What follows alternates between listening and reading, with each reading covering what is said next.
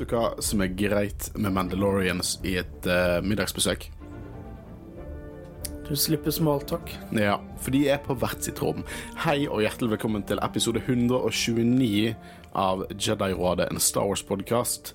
Uh, mitt navn er Håkon Øren, og jeg sitter sammen med Håvard? Og Kristian Øyen Aspen. Det var en klassiker. Jeg gikk tilbake igjen til der dere måtte si hvem dere var. Jeg forventa at du skulle si noe helt annet. Jeg, så. Nei, jeg tok uh, middagsbesøk-vitsen først.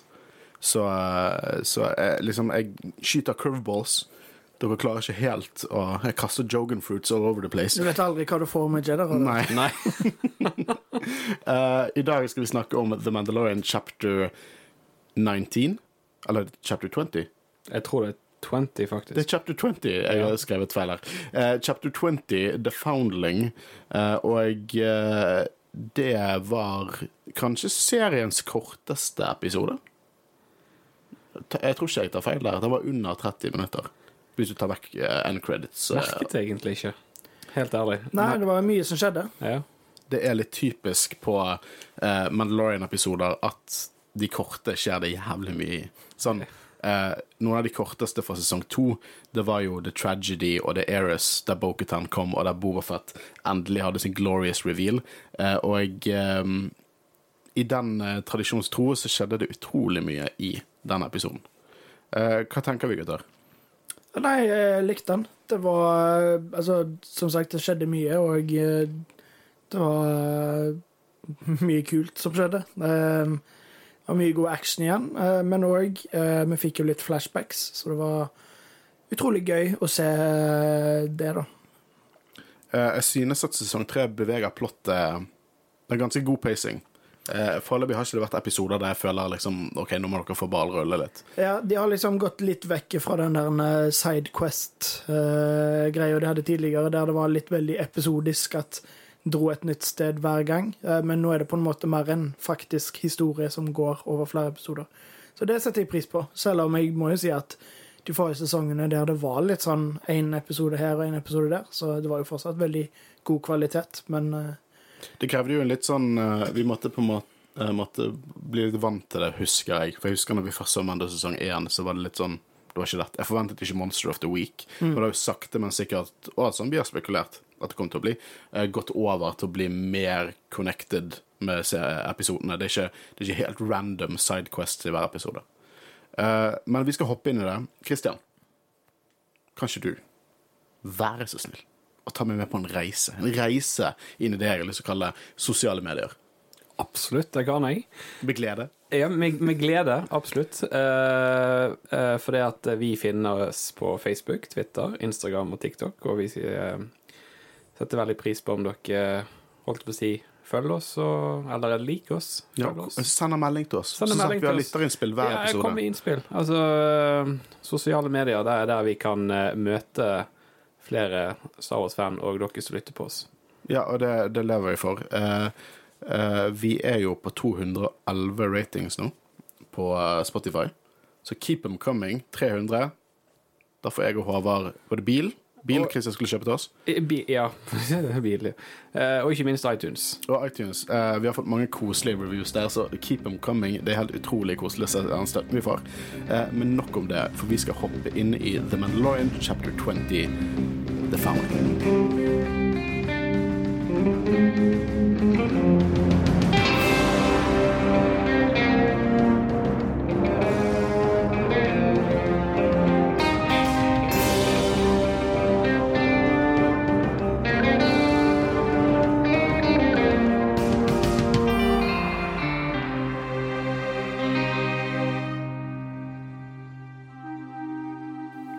Som en lytter sier til oss Faen, dette var en episode med mye bra, men det som var best å se, det var Ahmed Best.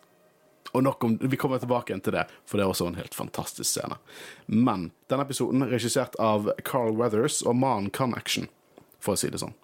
Du merker han har røtter fra den sjangeren tidlig, og det, det så jo du også med The Siege. Jeg tror The Siege fra eh, sesong to får en litt sånn bad rap, fordi at episoden før hadde de sagt 'Å, du må finne Ahsoka Tano', og så er ikke Asoka Tano med i neste episode. Men The Siege var også, en, i min mening, en ganske spennende episode fra sesong to. Så det er kult å se at Carl Weathers på en måte får utforske litt det, det kreative i Star Wars også. Um, vi får se en litt sånn klassisk treningsdag hos kulten. Um, veldig Jeg får veldig Sparta-vibes. Liksom De står der i salen og driver og liksom slår hverandre ned og sier 'again' med en sånn ju Spartan judge med en sånn kappe som henger ned fra siden. Um, mens Boketan går og inspiserer hennes nye familie. Og så tenker jeg liksom What the fuck, they shooting at? For jeg har sett den scenen når de skyter på vannet. De bare skyter på vannet.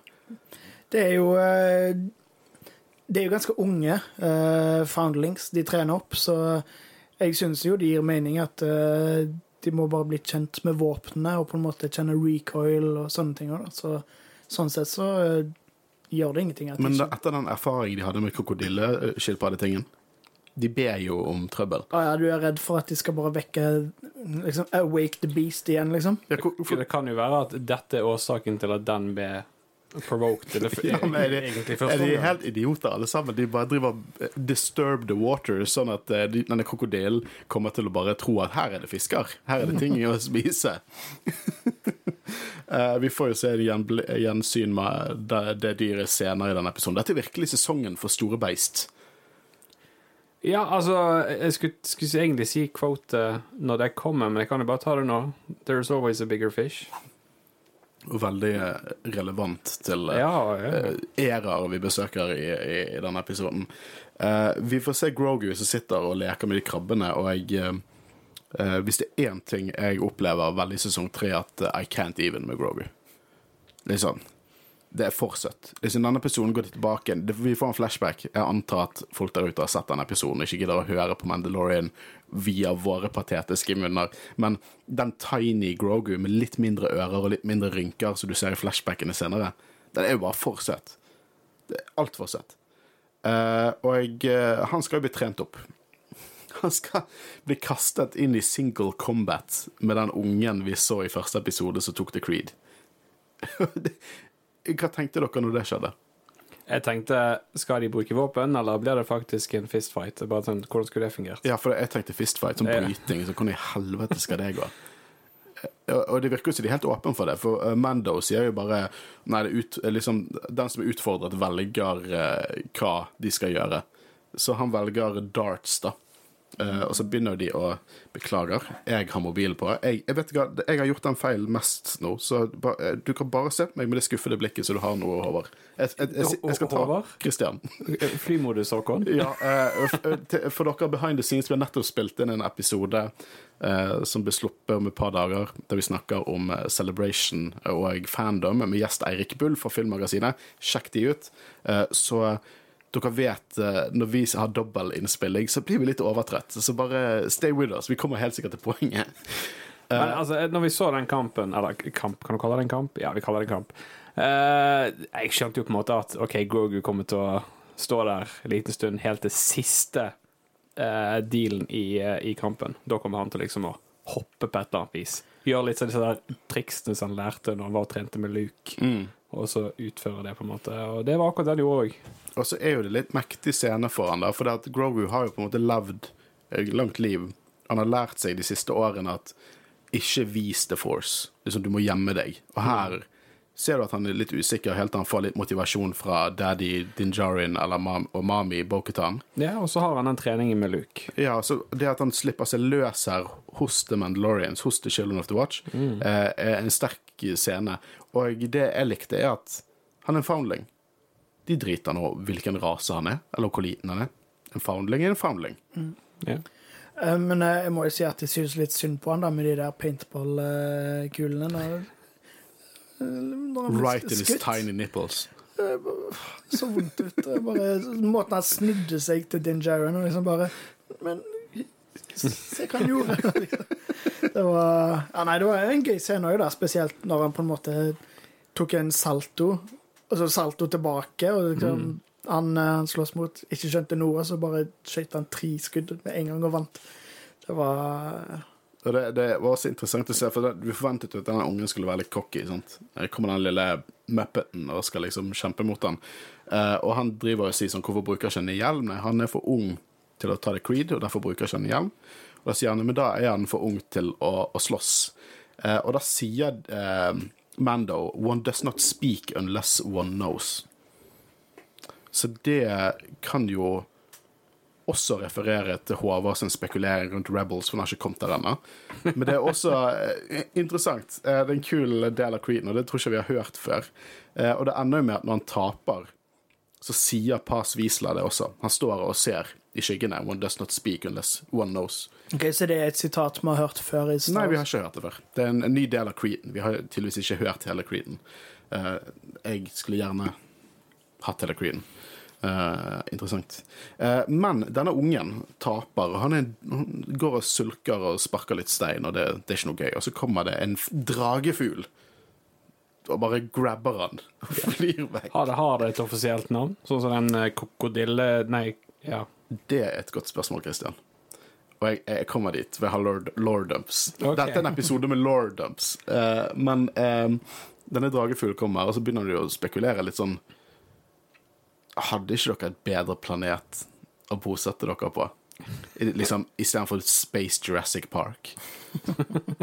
Men uh, det er jo også litt Mandalorians at eh, de kan sånn De kan ikke bo på en koselig liten planet. Eh, de må jo bo et sted der de blir herdet eh, for å bli sterkere. Så det gir jo også mening. Eh, men eh, det jeg reagerte på her, er jo det at til og med The Mandalorian mobber jo deg, Christian, når de går tom for drivstoff halvveis når de følger etter den full. Vet du hva det beste med det der er? er at eh, Før vi spilte inn, så var vi og kjøpte kebab. Eh, og jeg, jeg sa til Håvard når vi satt der og ventet på kebaben du, eh, jeg tror at Hå Håkon har en plan med de der jetpackene eh, når de går tom for eh, drivstoff. Han kommer garantert til å nevne det. Og da sa Håvard ja, det er nok fullt mulig. Så den så jeg komme. Men eh, ja, de går tom for drivstoff. Ja, og vi har ikke sett det med, med jetpacks før. Vet du hva, Jeg elsker dette utrolig middelmådige Attack of the Clones-filmspillet sitt Star Wars Bounty Hunter, der du spilte som Jango Fett før Attack of the Clones. Det er Legends nå, så det er ikke canon. Så det er trukket enkelte elementer inn i canon. Eh, Men der var jetpacken gikk alltid tom for fuel der, så du måtte på en måte lade det opp. Og det gjør jo mening, fordi de er jo eh, små jetpacks sammenlignet med liksom store fly og sånn. De er begrensa plass med, Men- til drivstoff. Du, du får, det, får det til å føle mer realistisk. Ja, og det er en pet peeve jeg har, som er kun skapte i min egen hode. For at uh, både Clone Wars, Rebels og Mandalorian har vist at de jetpackene er så, de, de har så jævlig mye i seg. Og min headcanon før det var jo alltid det at nei, det er mer som en jumppack, liksom. Du kan bruke de i et par sekunder etter most, kanskje. Eh, men det at de viser at de faktisk mangler litt De, ikke, de er ikke cheap, liksom. Det er ikke et alternativ til en speeder. Eh, det syns jeg er litt uh, kult. Men òg, det viser seg jo at uh, Bo-Katan eh, gikk om bord på skipet sitt og fulgte etter på den måten. Og hun sier jo det at hun dro skikkelig langt, så det er jo godt mulig at de allerede er kommet et godt stykke på veien. Men eh, ja, eh, jeg likte det at eh, Både som et plottpoeng for å få Bo-Katan til på en måte bli en, en viktig del av kulten, men òg bare det tom for drivstoff gir mening. Ja, for det at eh, Det de gjør med Bo-Katan, den så ikke jeg komme. Jeg trodde hun skulle liksom ha sin egen fraksjon, hun kom til å være helt imot Children of the Watch, men om hele den episoden det handler liksom The Foundling eh, Det ordet, den betydningen det, det episoden heter, det kan handle om The Foundling som de redder, det kan handle om Grogu som Foundling, men det kan også handle om Bo-Katan som Foundling her. Hun er jo ikke en Foundling, men hun har på en måte funnet en ny familie, og hun virker ydmyk, hun virker som hun er villig til å lære, og Uh, som om jeg, jeg, vet ikke, jeg vet ikke hvor denne veien går. Jeg vet ikke hvor mye kynisk det er i Bo-Katan. For det kan godt hende at det er mye kynisk der. At hun har sine planer. Men hun virker nesten litt sånn religiøs Hun har blitt gjenopplevd religionen sin, mer troende, og nå på en måte er hun og lærer. Jeg, ja, jeg får veldig inntrykket i denne episoden, da, kan du si, uh, at hun prøver å finne ut hvor hun er, og hva hun vil. Mm. Altså, hun, hun du, Når hun sitter rundt bålet, for eksempel, og tar av seg hjelmen Du ser jo på en måte Jeg føler for liksom ansiktsuttrykket hennes skal liksom hinte til at hun evaluerer veldig hvor hun er henne. Hun er litt målløs. Ja. Uh, for jeg, jeg, jeg fikk jo inntrykk av at hun tok av hjelmen, som var litt sånn «Ugh, Hva er dette for noe? Fordi at Hvis jeg hadde vært i hennes sko og måtte ta meg hjelmen der, vi kommer til en så hadde jeg vært sånn Hva faen er dette for noe? Uh, men hun tar jo veldig ansvar her. Hun leder jo The Hunt for å redde uh, denne foundlingen. For hun flyr etter i gauntleten sin og mapper ut lokasjonen. Så hun skal lede liksom The Hunting Party. Uh, og hele dealen er at de kan ikke bruke jetpacks, de kan ikke bruke eksplosiver eller blasters, for det vil uh, få dyret til å drepe barnet. Og det har visst skjedd før. Eh, så de skal drive og klatre disse fjellene, da, som hun mener skal gå helt fint, og det er the peaks of eh, Hun snakker om at hun, når hun var liten, klatret i the peaks of eh, Kyrimorut. Unnskyld uttalelsen min. The peaks of Kyrimorut. Kyrimorut er et Legends-fjell på Mandalore, eller Legends-lokasjon på Mandalore. Eh, og det er en uh, fra en av bøk, Republic Commando-bøkene til Karen Travis. Karen Travis er en av de som har vært mest med på å definere hva som er liksom Mandalorian law. Og mye av det hun har skrevet, har gått videre inn i canon nå med The Mandalorian. Så det er et stort Mandalorian-navn, Karen Travis. Uh, og i Legend så var dette her hjemstedet til klan Skirata, som er en av disse Mandaloriansene som Jango hyret inn til å trene klonene. Og i, i, Legends var det veldig mye kloner som følte en legacy på Mandalorian pga. Jango Fett. Så de dro dit som en sånn istedenfor å være kloner. Og dette var før en chip var en ting. Så de dro der frivillig for å joine klan Skirata og på en måte bli Mandalorians. Så det er en, en liten Legends-referanse som de drar inn i der, som er, jeg setter veldig pris på. Uh, vi får også noe annet her, og der kommer vi inn på dette med hva slags beist er denne dragefugltingen. For The Armor ber Paz Wiesla om å hente inn The Shreekhawk Training Team. Og så kan vi spekulere er dette en Shreekhawk. For det at i, i serien så bare refererer det, det som en raptor.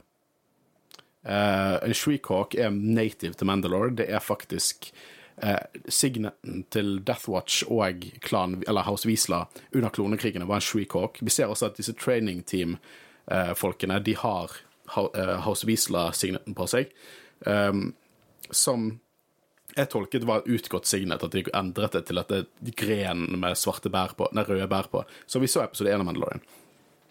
Kan hende at de har tatt den opp igjen for å bruke det til sånn Shreekhawk training team, eller hva det er. Men uh, så om det er Shreekhawks, dette her, det kan man bare spekulere jeg kan se argumenter for og imot. For det at selv om et Shreekhawk training team er der, så betyr ikke at det de jakter på nå, er en Shreekhawk. Det betyr bare at de har evner som kan eh, adapteres i denne tilstanden. Ja, da, ja. Eh, men det er kult at de snakker om det. Eh, så eh, de skal gå da, unngå eksplosiver, og de skal redde denne foundlingen. Eh, det jeg setter veldig pris Jeg tror det er favorittsegmentene mine sånn law-messig i denne episoden, er jo The Armor og Grogu som har litt face-to-face-bonding, rett og slett. Litt, litt, sånn, Han får litt sånn Mandalorian-teori fra The Armor. Og måten hun sier 'Grogu, kom' Var det et eller annet Jeg vet ikke sjarmerende eller morsomt eller hva det er. Uh, men uh, hun driver og snakker litt om The Forge, da, og hvordan uh, Mandalorians er Mandalorians er litt som, som rustningen de sjøl har. Det er på en måte De blir formet ut av rene materialer og herdes av, av testelser og, og fare. Uh, og de hele tiden skal endre seg sjøl. Og det tror jeg er en foreshadowing til hva som skjer med denne gjengen i løpet av denne sesongen og serien. Uh, og så får jo Grogu litt PTSD, og dette PTSD-fjeset til Grogu Han bare blir så lei seg. Ja, han ser redd ut og uh, liksom rysta ut, på en måte. Uh, og da blir det Order 66 flashbacks. Og hvis det én ting jeg aldri er lei, eller aldri blir lei, så er det Order 66 flashbacks. Uh, first off, uh, jeg snakket jo litt om det var så utrolig mye ekstreme reaksjoner på at blåfargen til Five of First i Kenobi-serien var lyseblå. Og nå er det mørkeblå, så jeg håper de er happy nå. men nei, det var ikke Anakin. Denne episoden bekrefter to sånne sin, sine teorier som er så typisk Star Wars. Lite shot. Å, det er Anakin som angriper Grogu. Å, det var en grønn Mandalorian bak en ene shotet som varte i et halvt sekund. Det må være Bobafett. Nei, det var ikke Bobafett, og nei, det var ikke Anakin. Så det var det jeg snakket om. Jeg, man kan ikke sitte og håpe på at det er Anakin, for da bare blir man skuffet. Uh, men det var en utrolig kul scene. Absolutt. Uh, og uh, det er alltid gøy å bare se kloner i action, og de er skumle. Så jeg skjønner veldig godt hvordan de på en måte klarte Order 66, rett og slett. Fordi de er mange, og de er flinke. Så det var en utrolig stilig lagt scene. og sekvens. Jeg så mange av statistene også matchet positurene som CGI-modeller hadde i Return of Jedi. De står litt sånn unaturlig, sånn som de, de gjorde i animasjoner. Jeg synes det var veldig sjarmerende å se at de hadde gått så realistisk at de prøvde å gjenskape de positurene de hadde. Eh, men karakteren som redder Grogu, den så ikke jeg komme. For det er Kelleran Beck, The Sabered Hand, eh, altså en Cannon-karakter som har vært canon fordi han var med i dette kidshowet Jedi Temple Challenge.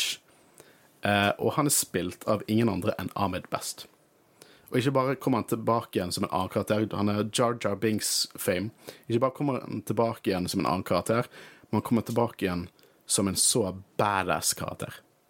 Hva, hva følte dere når dere så dette? Jeg ble bare så utrolig glad. Um, han er jo en som har gått gjennom veldig mye, fått veldig mye hat og alt mulig sånn. Han har jo vært veldig åpen om at han vurderte selvmord, og på en måte at han var utrolig deprimert og alt mulig sånn. Og det har vært mye snakk om eh, liksom, toxic fandom. Eh, den episoden vi har eh, med Erik Bull som kommer om noen dager, det går vi jo veldig mye inn på det. Men jeg syns bare det var utrolig flott at han fikk komme tilbake og på en måte få eh, et nytt lys på Star Wars, på en måte, og bare Og det var veldig kult at han på en måte fikk være seg sjøl, altså ikke gjennom CGI-drakt eller eh, hjelm eller noe sånt. Han var Ahmed Best, på en måte, og det var flott å se.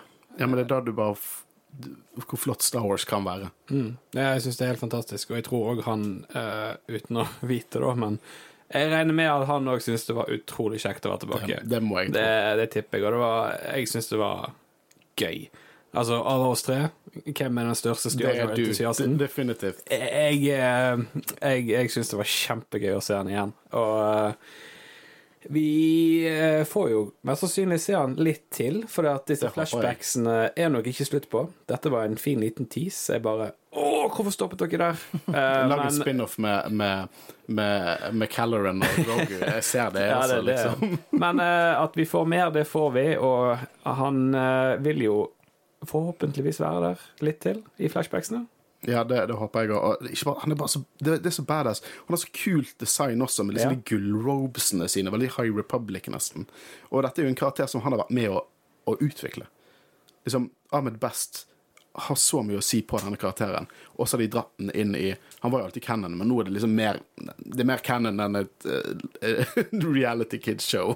Uh, det er utrolig stilig, og sekvensene De flyr gjennom Corisont med LAAT gunships etter de. Ja, i en eh, H-type uh, Nubian uh, yacht, Ja, etterpå. Og jeg vil jo bare si at jeg ikke utelukker at det er representative Binks som kanskje har sendt Nubians til å, til å redde noen Jedis der. Vet du hva, jeg hadde ikke hatt noe imot det engang.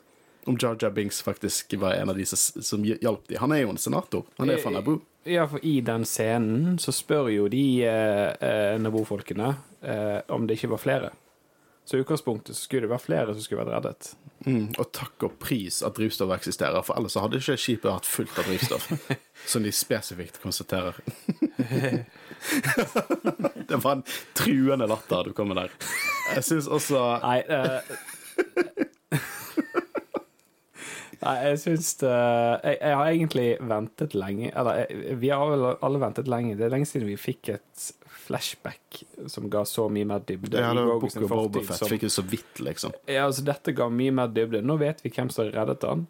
Uh, og vi er veldig spent på hva som skjer videre, og jeg håper virkelig at det kommer frem i de neste episodene, og ikke blir satt på vent. Jeg tror det er kanskje en stund til vi får vite hvordan han endte opp. eh, eh, Ja, kanskje jeg endte opp, men uh, jeg regner med at reisen er lang. Ja. Jeg regner ikke med det er en kort reise. Nei. Uh, litt om uh, Kelleran Beck. Ifølge Ahmed Best, og hvis det er noen som vet best, så er det han, så er Hvis han han, hvis han lagde karakteren, så Dette er ikke bekreftet i canon, men Ahmed West spilte jo også en karakter i bakgrunnen av Tackle the Clones. I den barscenen i begynnelsen av filmen var han i- usminket i bakgrunnen. Da spilte han en, en karakter som heter Ahmed Beck. Uh, denne karakteren du så i Mandalorian heter Caloran Beck, Så ifølge han er de i slekt. Og det Men jeg liker Ahmed Beck. Ahmed Best. uh, men uansett, utrolig kjekt å se han. Uh, utrolig kult å se live action Shock Troopers. Det har ikke vi sett før. Kloner Ja. med disse røde Coruscant Core, liksom. Eh, og uh, We-Wings. Alltid gøy å se forløperen til Tie Fighteren i live action. Og igjen, liksom LAAT gunships.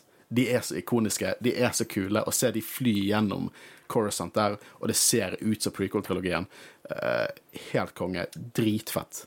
Eh, jeg bare, ja, jeg tror ikke jeg kan Det, det var helt konge. Syns også det var veldig kult eh, før de kom til det, da, så var de jo på en eller annen speeder og eh, gikk gjennom en tunnel og endte opp rett med det der fjellet vi så i forrige episode. Så g- de får mye bruk av det settet, i hvert fall. Ja, det, ja, men det er utrolig bra sett. Altså Kult å få det. Eh, apropos kule ting. Grogu får en oppgradering av rustningen sin. Han får en såkalt eh, rondel. Eh, du har jo litt erfaring med historiske ting. Vet du hva en rondel er? Uh, nei, så vidt, men eh, ikke så mye. For det er en rondel i middelalder For det er jo en sånn veldig middelalder-renessanserustning-ting. Og det er egentlig bare en sånn rund plate du heng- henger eh, sk- der på en måte i armkroken, der du har åpninger i platerustningen din, sånn at ikke spyd eller piler eller sverd skal komme inn i åpningen. Men han får den bare rett på brystet. Eh, men det får meg til å tenke liksom, hvordan ser en fully armored Mandalorian ut? Ser de bare ut som en ridder i space med rondels og hele pakken? Jeg gleder meg litt til å se hjelm på Grogu. Ja, han må jo få en hjelm på et tidspunkt. Men nei, på det tidspunktet så kommer de til å ha gått vekk fra hjelmeregel, tror jeg. Mm, Ja. Det tror jeg. Men jeg vil jo tro at på et eller annet tidspunkt så vil Grogu lære å snakke og endelig ta Creeden, da. Ja, det tror jeg òg. Jeg tror han kommer til å ta Creeden. Vil nok få en hjelm. Men det er det som er gøy å spekulere, da. For hva skjer med Grogu i fremtiden til Mandalore eh, og Mandalorians? Og jeg liker tanken på at Grogu Grogu kommer til å være liksom the advisor til alle de fremtidige Mandaloresene. I 800 år frem i tid så kommer Grogu til å på en måte være eh, den høyre hånden til The Mandalore. Eh, og ha all den historien i hodet sitt. Det er sånn jeg ser det for meg. Det hadde vært skikkelig stilig. Hand of the Mandalore. Ja, basically. Hand of the Mandalore. Og, eh, og det, det, er liksom, det er som det er sånn badass parallell til Yoda. Eh, så det er nesten sånn I slutten av den serien så håper vi får et flash forward sånn 800 år frem i tid, når han sitter der sikkert som i troen, eller i troen ved siden av i, Eller i en oppgradert egg ved siden av eh, The Mandalore. For 800 years I have advised Mandalorians. Ja. Eller som Grogu kommer til å si uh, I have advised Mandalorians in about 800 years. Yeah, yeah, Fordi vi er enige om han kan ikke snakke som Yoda. Vi har hatt språkeksperter her for å diktere det. Uh, så kommer vi til spisescenen. Kan ikke dere fortelle meg litt hva som skjer i spisescenen? Fordi de kom jo eh, fram til eh, den piken, altså den, eh, det fjellet den eh, fuglen er på. Men eh, det er jo ganske høyt, så det kommer til å ta tid, og det er på vei til å bli mørkt. Så da lager de en liten sånn basecamp uh, under der, og så skal de spise. Og uh, Bo-Katan lurer jo selvfølgelig på liksom, Hvordan i helvete fungerer dette? Ja, når vi ikke kan ta hjelmen, hvordan spiser vi? Og så sier bare Mando You don't. du bare får maten din, og så stikker du vekk til et sted du kan ta av hjelmen uten å bli sett. Uh, men jeg syns det var veldig stilig uh, på en måte det med at um, Passvisla Previsla Pass, Passvisla. Pa- Passvisla sier liksom Du er lederen av War Party. Du har æren av å bli med bålet. Ja, for fordi de, de er ganske simple folk. Sant? Følger du Creed, går du veien til, uh, som Mandalore, eller The Way of the Mandalore, så er du en av de. Det har ikke noe å si hva du har gjort før, eller hvem du har vært før. Til og med nå, de, de tar imot uh, Din Jarin også. Det er ikke noe sure tanker der. Det er ikke noe sjalusi utegående. Selv om jeg tror Pass Wisla hadde veldig lyst på den Darksaberen, uh, og sikkert fortsatt, men tilsynelatende så er han en av de tilbake og det er ingen baktanker der, som er interessant. Og det får man til å tenke litt sånn, for vi er jo, det er jo en kult. Men det betyr ikke at det ikke er positive ting der. det hørtes veldig feil tatt ut av kontekst. Men Armour sier jo at du kan komme og gå når du vil, liksom. Du er en av oss nå. Og det, jeg lurer på om det er det Bokutan leter etter. No, noen, for det, hun har hatt mange menn Lawrence under seg, og de driver og bare De driver og mister håp og drar og er dusørjegere og, og leiesoldater andre steder i galaksen. Mens disse folkene her, de har full tro. På grunn av troen sin så har de et formål. Liksom. De, de, de, de er samlet. Og det er det Mandalorians må være. Det er det hun ikke opplevde, at Mandalorians er samlet. Nei, det er jo det på en måte hun leter etter, og det er på en måte det jeg sikter til i stedet, at hun, hun tenker veldig mye på det som er rundt henne nå, og om det er Observerer. Ja, observerer, og på en måte prøver å finne ut hva hun vil. Og vi har jo spekulert litt i det, at på en måte hovedhistorien her kommer til å bli at Mandalorians på en måte blir samla igjen. At det ikke lenger bare er masse sånne converts, uh, coverts uh, spredd rundt omkring. Uh, og um, jeg håper på en måte at det ikke nødvendigvis blir en civil war, men at de, at de faktisk klarer å samle alle. Og Mm. da, det, det må jo være målet for Bokhatan òg. Og så jeg liker veldig godt at de har gjort dette allerede, da. At de på en måte er på vei til å bli samla som Mandalorians igjen. Ja, du heier på dem. Du vil ikke, liksom, du vil ikke at de skal ha badass kamper mellom hverandre. Du, vil, du heier på dem. Du vil de skal kicke som Gideon og Throne Ass. Uh, så det blir spennende å se hva som skjer videre. Apropos um, uh, scener. Klatrescenen nå, for nå skal vi klatre opp til reiret. Det er mye, Christian, jeg kjøper i Star Wars. Jeg kjøper til og med i Book of Boba Fett når han ene moten snur seg sånn 50 ganger før han skyter, for det ser kult ut. Eh, jeg kjøper uh, The Force, jeg kjøper alt der. Men Vet du hva jeg det- ikke kjøper? Er akkurat det jeg skulle spørre nå. Hva er det du ikke kjøper, da? Jeg kjøper ikke at den vaieren klarer å holde Pas Wisla oppe. Spesielt eh, ikke bare er han stor, men han har òg liksom en sånn svær eh, sekk og en sånn svær slange som går til en sånn gigantisk eh, våpen. Men spørsmålet er hvor sterk han er. Altså, ikke, ikke han. Ja, nei, men- han er kjempesterk, men Nei, men vaieren er ikke han. sterk Jeg snakker om vaieren, jeg. Det er bes Beskar vaier. Ja. ah. Det er litt sånn som i Ringenes herre. Jeg kjøper alt bortsett fra at Legolas klarer å sånn backflippe opp på hesten sammen med Gimli. Jeg bare, nei. Ah, det, det kan ikke sammenlignes. Eh, jeg syns det er veldig kult hvordan det ligger sånn masse Mandalorian-rustning spredd oppi reiret. Uh, og vi får se babies. Skal vi bare kalle de Shreekhawks, uten at vi definerer de sånne Shreekhawk-babies. Uh, og uh, vi finner nå ut noe som har blitt spekulert om lenge, så det var ikke en veldig stor overraskelse, men denne ungen er Pas Wisla sin unge, altså en Ragnar Wisla, eller som de har sagt i Norge, Ragnar Wisla. Kult. Veldig nordisk navn. Ja. De, du, du kan få litt sånn Viking-paralleller også. Eh, så det er jo kult. Og du ser jo det at Pas har på en måte holdt masken nå.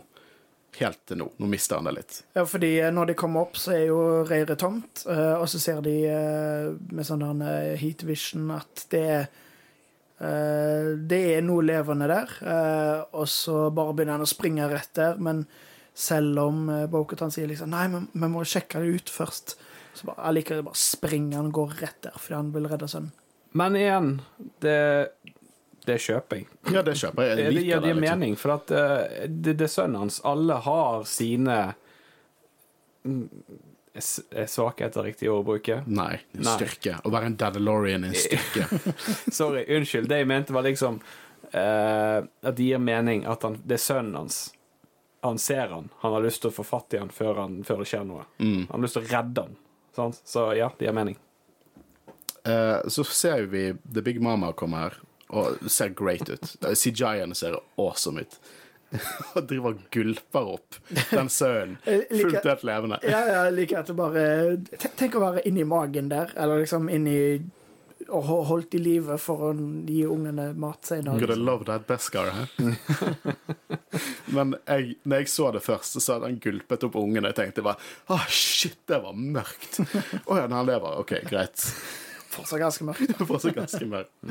Um, men eh, det ender jo med da at, at Pas loser sitt og løper mot Ragnar, og f- denne svære mamaen flyr vekk med både Pas og Ragnar i kjeften og i, i klørne sine, mens resten flyr etter. Og jeg, må bare si, jeg har sagt det før, sånn som i første episode, disse flyscenene med disse GoPro-stilen, det er viber så sykt med det. Liksom, se tilbake til hvordan du så jetpacks i episode 3 av sesong 1. Det var en dritfønt scene, The Battle of Navarro. Men det var litt sånn janky. Sant? Du, du, var, jeg, jeg så jo at det var wirework. Men her er det jo som en Clone Wars-episode dratt inn i live action. eh, med hvordan eh, Mando og Det er så gøy å se Mando litt badass at han klarte å fuckings falle ned Mines of Mandalore. Og så er han litt badass og faktisk redde Ragnar, eh, som sikkert kommer til å gi han plusspoeng i boken til, til Pass. Eh, og Boketan, som bare er med å ta ned dette beistet og mister rustningsplaten sin. Eh, og det første jeg tenkte da, var sånn Faen. Nå kommer Hot Toys til å lage en ny. De figurene koster 3000 kroner stykket, og nå skal de faen meg lage en ny en med én ny rustningsplate. God damn it. Um, uh, men de tar jo ned uh, dette dyret, da. Og så sa jeg til Guro, samboeren min, som jeg satt ved siden av, hva kommer den krokodillen? Å, ja, der er den. There's always a bigger fish. There's always a bigger fish. Utro, utrolig kul actionsekvens. Ja, ja, ja. Det, De har virkelig en hard-on for store beist i dette, denne sesongen. nei, det, det er godt laget. Det er kult. God action. Og du ser at det er, som vi sier nesten hver episode, det er filmkvalitet over Det er hele greiene. Absolutt. Og jeg, jeg elsker også hvordan Pass Wisla For at Mandalorians og Children of the Watch, de er så harde. Det er harde folk, liksom. Harde menn og kvinner, og det er ikke så mye Det er ikke så mye liksom, tegn til menneskehet, liksom. De viser ikke fjeset sitt. Du vet ikke hva folk føler. Men å se Pass Wisla sånn omfavne sønnen sin, og ikke kjefting Hva er det du holder på med? Går det bra med deg? Og så snu seg til Mando, en, en, en annen far, og så si 'this is the way'. Og det, Stars Explainer snakker litt om det, for det, 'this is the way' det kan føles så dystert ut når de sier det, men det kan også føles så mektig ut og positivt når de sier det. At de er en del av en community. Eh, så jeg syns det var eh, Det ga mye liksom, Jeg ny, jeg har Pass Wiesla Hot Toysen. Uh, jeg kjøpte den etter sesong én. Og så ble jeg litt nyforelsket når jeg så Book of Bobafett, men nå er det en av Nå, nå, nå, nå er det på top shelf. Nå skal jeg flytte passvisla litt høyere opp på, på hyllen. Uh, for det er kult å få litt dybde til den karakteren, med et så utrolig kult design. Det er fortsatt John Favreau som stemmer hans. Jeg føler den høres litt annerledes ut i denne sesongen. Men jeg har ikke dobbeltsjekket det. Hva er jeg, en programleder for en Star Wars-podkast? Ja, det må jo være John Favreau. Og jeg ser for meg jo at John Favreau er ikke en som vil la stuntmenn være inne i drakten. Jeg kan se for meg at han faktisk er inne i Det tror jeg kan bekrefte at han ikke er på en eneste scene. Han må jo det. Nei, det er den første duden som Mando dreper i episode 1 av sesongen. Eh, han med barten. Det er han som er inni. Ok. Jeg tror ikke John Favreau har tid til å rett og slett være onset alltid, eller spille onset alltid. Ja, det gir jo egentlig mening. Ja. Men eh, Og så dessverre, eh, Paz Wisla er muskelmann. John Favreau er ikke muskelmann. Elsker mannen.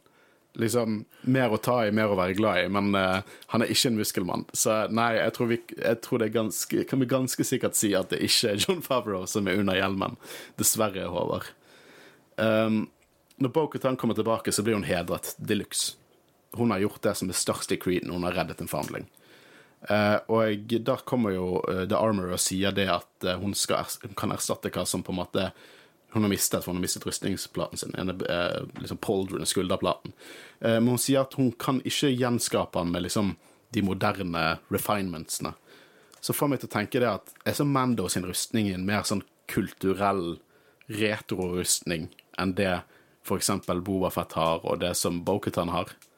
Jeg syns i hvert fall det var en interessant tanke. at de andre er mer moderne og har duppeditter og sånn, liksom. Ja, men, ja at og Mando i både stil og funksjonalitet er litt mer back to basics. Men jeg kan godt hende. Han har jo, hjelmen er jo relativt simpel i forhold til mange andre Mandalorians. Ja, det er ikke noe, det er ikke noe, den er ikke noe ikke, Jeg syns ikke noen av disse er overdesignet, men denne den har ikke en rangefinder og masse sånn Det er en, det er en hjelm eh, som har blitt veldig ikoniske i det siste. Uh, liksom, jeg må si det at uh, å se alle disse Mandaloriansene, fordi det er dritmange her, er utrolig fett. Men det er litt som en sånn open world RPG, der du ser at hovedkarakterene har litt mer tekstur, bedre teksturer enn MPC-ene. Som Paz Wisla, Bo-Katan, The Armor og Mando. De ser litt bedre ut enn alle de andre. Det synes jeg det har gått litt mer tid og energi inn i designet deres enn de andre sitt. Men det er jo òg veldig stilig å se hvor mange variasjoner det er, med både farger og alt mulig sånn. Det, det føles på en måte Det føles ikke bare ut som en rustning, men mer på en måte en uh, extension av seg sjøl, på en måte. At det er på en måte veldig personlig. Litt sånn som de spartanske skjoldene eller samurairustningene som representerer forskjellige hus og klaner. Eh, det er veldig stilig. Um, hun sier jo det at er det mulig å få en mytosaur på den der eh, skulderplaten? Og så sier du Armor, ja, den uh, signeten har alle Mandalorians krav på. Det, alle skal få lov til å bruke den. Og så sier jo hun litt sånn Hva sier, hadde du sagt hvis jeg sa jeg så en? Og så sier hun Sure, Bo-Katan, whatever. La oss få den nye rustningen på deg. Og så, ja, jeg så en, og så This is the way. Så trodde ikke det Armor på den. Hun nevner jo det med at uh, det En om gangen. grand vision, på en måte. Veldig eh, stor ting å få en visjon av det. Eh, så det, eh, jeg tror nok eh, at hun trodde at Bokhatan så en, men Ikke faktisk i så en. i hodet på en måte. Liksom en visjon av det. Ja, og så på en måte Hun sier jo det at hun var heldig med å se en, jo, skjønner du? Ja. Men du kan på en måte argumentere mest for at hun mest sannsynlig mente i en drøm eller i hodet, et visjon, eller hva det nå skal være. Men jeg føler altså The Armor er liksom ikke en som blir superhypet over ting heller. Liksom når, når Mando kommer hjem med en Dark Saber, så er det sånn Ha! Kult. Bruk den, du. Altså, jeg har sett en uh, Mythosaur. Good for you. det, det, det litt den viben jeg får av henne. Uh, men hun kan jo ha sin egen agenda på dette, og Boketan kan ha sin egen agenda. Vet, hva er planene til Boketan? Eh, Ja, Bo-Katan. Men eh, Armor er jo veldig Veldig mystisk. Jeg klarer ikke å plassere henne. Nei. Er hun en good guy, eller er hun en bad guy? Du, jeg klarer ikke å plassere henne. Min, min store håp er jo at hun er Rookcast, som vi så i uh, Son of Dathomir-tegneserien og sesong 7 av Clone Wars, uh, som var en av Moldeloriansene. Jeg vil si at Emily Swallow, hun som spiller The Armor, hun kunne lett ha spilt Rookcast i, i live action. Det er faktisk mitt håp. Jeg, hun er så, det er en så liten karakter at for de som vet det, så er det utrolig kul ting, og de som ikke vet det, så er det fortsatt Du trenger liksom ikke å vite så mye bakgrunn. Uh, men det, det er utrolig interessant å se hva som skjer videre. Jeg antar at neste episode blir det slaget om Navarro. Men nå må ikke vi glemme én liten ting, og det er jo uh, de tre nye rekruttene som kom ut av uh, skipet til Hvor mange eh, Det er Altså, også det, en ting jeg kjøper, at alle de fikk plass inni der. Og det var jo ungene til eh, den eh, Til den uh, Shreekhawk-mammaen, ja. jeg, jeg, jeg lo litt når de kom ut derfra. ja, Som jeg sa, hvor mange, hvor mange klovner klarer du å plassere i en bil? liksom? Hvor mange Shriekhawks klarer du å plassere i en gauntlet? Ja. uh, ja, det blir, det blir liksom uh, The Season of the Mounts. Nå ser jeg for meg liksom Mando eller Bokutan som rir en Mythosaur. Jeg ser Rancor med Bobafett på, og så ser jeg eh, et par Shreekhawks med Mandalorians på, og så Thrawn som rir en jævla Mac, eller Metal Gear fra Metal Gear Solid. uh, skru det opp til 11 og bli skikkelig metall. Eh, men har vi noe mer å si om, om, om dette i episoden? Nei, det var en eh, fin liten episode, og eh, igjen, det er fint med litt sånn Det var mye action, men det var mye som skjedde i forrige episode òg, så det var fint med litt sånn pustepause og på en måte bare mye plott. Ja, jeg, jeg elsket det vi fikk, og jeg jeg likte veldig godt at vi fikk en Grogu eh, litt mer bakgrunnshistorie. Eh, det var en fin, liten episode. Det var det. Eh, utrolig mye som skjedde i en så liten episode. Eh, så jeg ser frem til neste. Jeg tror neste blir Battle of Nav Navarro. Jeg, jeg var overbevist at det kom til å bli Carl Weathers-episoden. Men jeg tror vi har sett eh, kamp mot pirater i, i Thailand, så jeg lurer på om det, det blir neste episode. Men, men det blir spennende å se. Eh, neste sesong Neste uke er jo også sesongavslutningen på The Bad Batch. Uten at vi skal spoile noe, eh, så var den nyeste episoden av The Bad Batch bare. Jeg kan bare Åh, si at så, å, så god Star Wars. Jeg kan bare si at vi dør etter å dekke det. Ja, Spesielt etter denne, og jeg, spesielt etter neste uke, garantert. ja definitivt. Eh, uansett, vi har lyttere, og dere lyttere har jo selvfølgelig meninger. Og så vil jeg bare si at uh, utrolig kjekt at så mange deltar i samtalen på Mandalorian, og vi leser absolutt alle, men vi får en del. Ikke- for å skryte, men vi får en del, uh, så vi kan ikke ta med absolutt alle. Så, og så prøve å variere litt hvem, det, hvem det som kommer frem. Så nå skal vi gå gjennom hva våre lyttere synes om denne episoden av Mandalorian. Ahmed Best går rett inn i the trenches igjen. Håper det går bedre denne gangen. Vet du hva, Det tror jeg det blir. Jeg tror det blir mye bedre. Vi så det med Hayden Christians nå. Ja, og jeg har jo allerede sett eh, liksom, mottakelsen på, på nettet sånn er jo bare overveldende positiv. Så det er utrolig flott å se. Det er så godt å se. Utrolig godt å se. Det er gøy, eh, og jeg vil se mer. tror Bo angrer litt på medlemskapet sitt når alle må gå og gjemme seg for å spise lunsj. Jeg blir for dumt, altså. Det hadde vært deal-breakeren for meg. Kom an, leke gjemsel. Tenk, tenk, da folk, tenk når de er ferdig. Bare sånn Boketan, er du decent?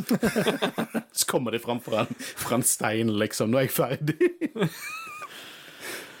Helt rått. Carl Weathers gjorde en skikkelig god jobb her. Ja. Og eh, ja, han, eh, han er en god regissør. Det, Han forstår action. ja. Eh, Så ja, han er en god regissør, ikke bare en god kokk som kan lage en god stew. Han, er Og han møter på Burger King. liker å se Bo-Katan bli en del av Creeden. Trodde fra sesong to at Mando skulle snu seg vekk. Ja, det har tatt en turn, både for Mando og Boketan, som ikke jeg så komme. Det var ikke det vi spek spektiserer, spankulerte, spekti spekulerte om eh, tidligere. Eh, så Og det, jeg hater det ikke. Jeg er veldig intrigued. Jeg liker at jeg har tatt mye feil her. Eh, så det blir spennende å se hvor det går. Liten episode, men allikevel en kjempeepisode. Digget den. Ja, og jeg, hver gang jeg ser en sånn lik, og neste episode varer bare i, i fem minutter Jeg må slutte å bli så skuffet over at de ikke er en time lang eller tre kvarter lang, for ofte er det de korte episodene mer eksplosive. Jeg tror de korte episodene har mer action i seg, eksempel. Jo, men jeg vet ikke om Jeg føler jeg sier det veldig ofte, men jeg sitter igjen med følelsen av at jeg føler ikke han er for kort eller for lang. Jeg føler han er akkurat så lang han må være. Ja, den var ikke rushet. Nei, sant? ikke ikke rushet, og ikke for langtrekkelig. I forhold til hva de vil så- fortelle. Ja, og europabudsjett. Absolutt. Ja. Uh, jeg tenker jeg går rett på mine, da. Naboo Starship, betyr dette at Jar Jar reddet Grogu for Order 66? Er jo metahint når skueren som spiller Binks, også spiller Kelleran Beck. Vi snakket litt om dette. Jeg håper det. Jeg, håper, jeg, trenger, jeg trenger ikke å se det engang. Bare at Representative Binks er han som reddet Grogu. Jeg håper nesten vi får se han, bare fordi det å se Jar Jar i et nytt lys, der han kanskje ikke nødvendigvis bare er en klossmajor, liksom, det hadde vært litt gøy. Det hadde vært, det hadde vært litt gøy. Mm. Og tenk om det er uh, Nå spankulerer jeg, men Det det, er derfor vi er her. Ja, det er derfor vi er her. Uh, at det er der, de, der den plassen de drar. Der er han. Der er Jar Jar. Han står og venter på dem. Tror du Jar Jar tar The Creed? Nei. These are the way. Oi. Nei, full respekt til Georgia Binks og i hvert fall Ahmed Beck best. Ja, ja, ja. Absolutt. Eh, elsket episoden, likte godt at det var mer for Order 66 og Grogu. Likte også eh, godt når den ene younglingen ble tatt av en drage for Game of Thrones, og måten de reddet ham på. Eh, ja, Dette er sånn eksplosiv, bare gøy Star Wars. Der, der du bare sitter og gliser, for det er bare gøy. Eh, og jeg, jeg, jeg så også en annen podkast, Star Wars Explained. Star Wars Explained er veldig bra, sjekk han ut. Han kommer på Celebration, by the way, så jeg tenkte jeg skulle gå på det panelet hans. Uh, men eh, han, der mente de at det var litt sånn Litt av musikken mimret litt til Game of Thrones. Jeg vet ikke om jeg hørte det sjøl, men det er jo kanskje noe de har gått for. Det er jo veldig Game of Thrones i liksom, selve politikken til Mandalorian. og alt det der. Eh, Du kan jo på en måte finne paralleller. Ta den scenen der de flyr etter den La oss kalle det dragen, da. Altså Ja. De tre uh, ungene på slutten, det er Drogon, Rhaegar og Viserys. de, De ser litt mer badass ut i Game of Thrones enn de gjør i Star Wars. Uh, er Mando klar over at Grogu er 50 år, eller vil han bare se en baby slåss? Da kaster jeg det ut til dere. Hva, hva er konklusjonen? Uh, I første episode så, så finner han jo ut Fordi han vet jo at The Target er 50 år, og så ser han liksom bare What? Det er jo bare en baby. Så han vet jo at Grogu er gammel. Men vil han bare se en baby slåss? Ja. Svaret på det er ja. Uh, Jar Jar Redemption Arc er helt nydelig å se. Uh, jeg vet veldig godt hva denne lytteren mener, og det er bare godt. Men jeg tror vi skal gå vekk fra ordet redemption arc. For verken Jar Jar eller Ahmed, uh, Ahmed Best trenger en redemption, redemption. Han gjorde jobben sin akkurat sånn som det var forventet, og han ble tygget og spyttet ut av fandomen. Så la, la oss gå vekk fra redemption arc og bare si han, han er awesome. Og han viser at han er awesome i denne episoden. Og, ta han, og ønsker han velkommen tilbake igjen til Star Wars. Ja. Uh, helt fantastisk. Og ingen kritikk til du som sa Redemption Arc, for det at uh, jeg, jeg, skj- jeg, du kommer fra, Det er absolutt en positiv ting du prøver å formidle, men jeg tror bare vi skal bare, bare gi han den respekten han ikke fikk. Ikke at det er disrespectful der, men dere skjønner hva jeg mener. Jeg håper jeg har forstått det. Christian, du har en lang og god en. Det har jeg. Holy Jar Jar. Jeg digger den åpningen. Eh, kanskje vi fikk en Andorish-episode forrige gang, men denne gangen var det 100% Mandalorian. Kult å se speiderleir Mandalorian-style. Veldig kult å få et innblikk i hvordan denne kultur kulten fungerer. Virker som Bokotan har funnet sin plass, men kanskje hun har noe i bakhodet når hun prøver å overbevise The Armor at hun så en levende Mythosaur. Fikk nesten tårer i øynene når The Armor snakker med Grogu om, hva det, må være, om det å være en Mandalorian, og hva som definerer de. Også flashback til Order 66. Hvem i alle dager er Jedien som reddet Grogu? Jeg husker ikke han fra Clone Wars. Synes også at skipet de flykter fra Coruscant Skrevet også Coruscant, men æ. Digger det. Eh, fra er veldig kjent. Selv om dette er den korteste episoden så langt, føles det lengre og veldig, veldig bra. Ja, og nå, nå har jo du lytta kanskje litt mer innblikk i hvem det var som faktisk reddet Grogu. Og hvor, hvor viktig det er, ikke bare in universe, men også i vår verden, at det var den Jedien som reddet Grogu. Eh, og jeg, eh, jeg tror dette med Mandalorian som definerer de, det er det som blir det store dilemmaet i, i denne serien, og denne sesongen spesielt. Så jeg, jeg lurer på hvordan det kommer For jeg tror de kommer til å droppe hjelmregelen. Det tror jeg. Om det skjer denne sesongen eller ikke, det vet jeg ikke, men jeg er utrolig spent på hva som skjer videre. Uh, og så har vi noe mer å si der, da. Nei, ikke annet enn at jeg gleder meg veldig til neste uke. Ja, og sjekk ut uh, Om et par dager så kommer eh, vår bonusepisode uh, med Eirik Bull fra Filmmagasinet. Sjekk ut Filmmagasinets eh, podkast. Utrolig eh, flinke folk. Eh, jeg må også advare, det er Zoom-skjerm på denne episoden, når vi hadde et par lydproblemer med lydnivåene. Eh, men eh, klarer dere å holde ut det, så er det utrolig mye bra diskusjoner, hvis jeg kan si det sjøl, i denne episoden. Så sjekk det ut. Uansett, mitt navn er Håkon Øren. Jeg har stått sammen med Horus. Og Kristian Hagen Aspen. Vi snakkes snart. Ha det bra. Ha det bra.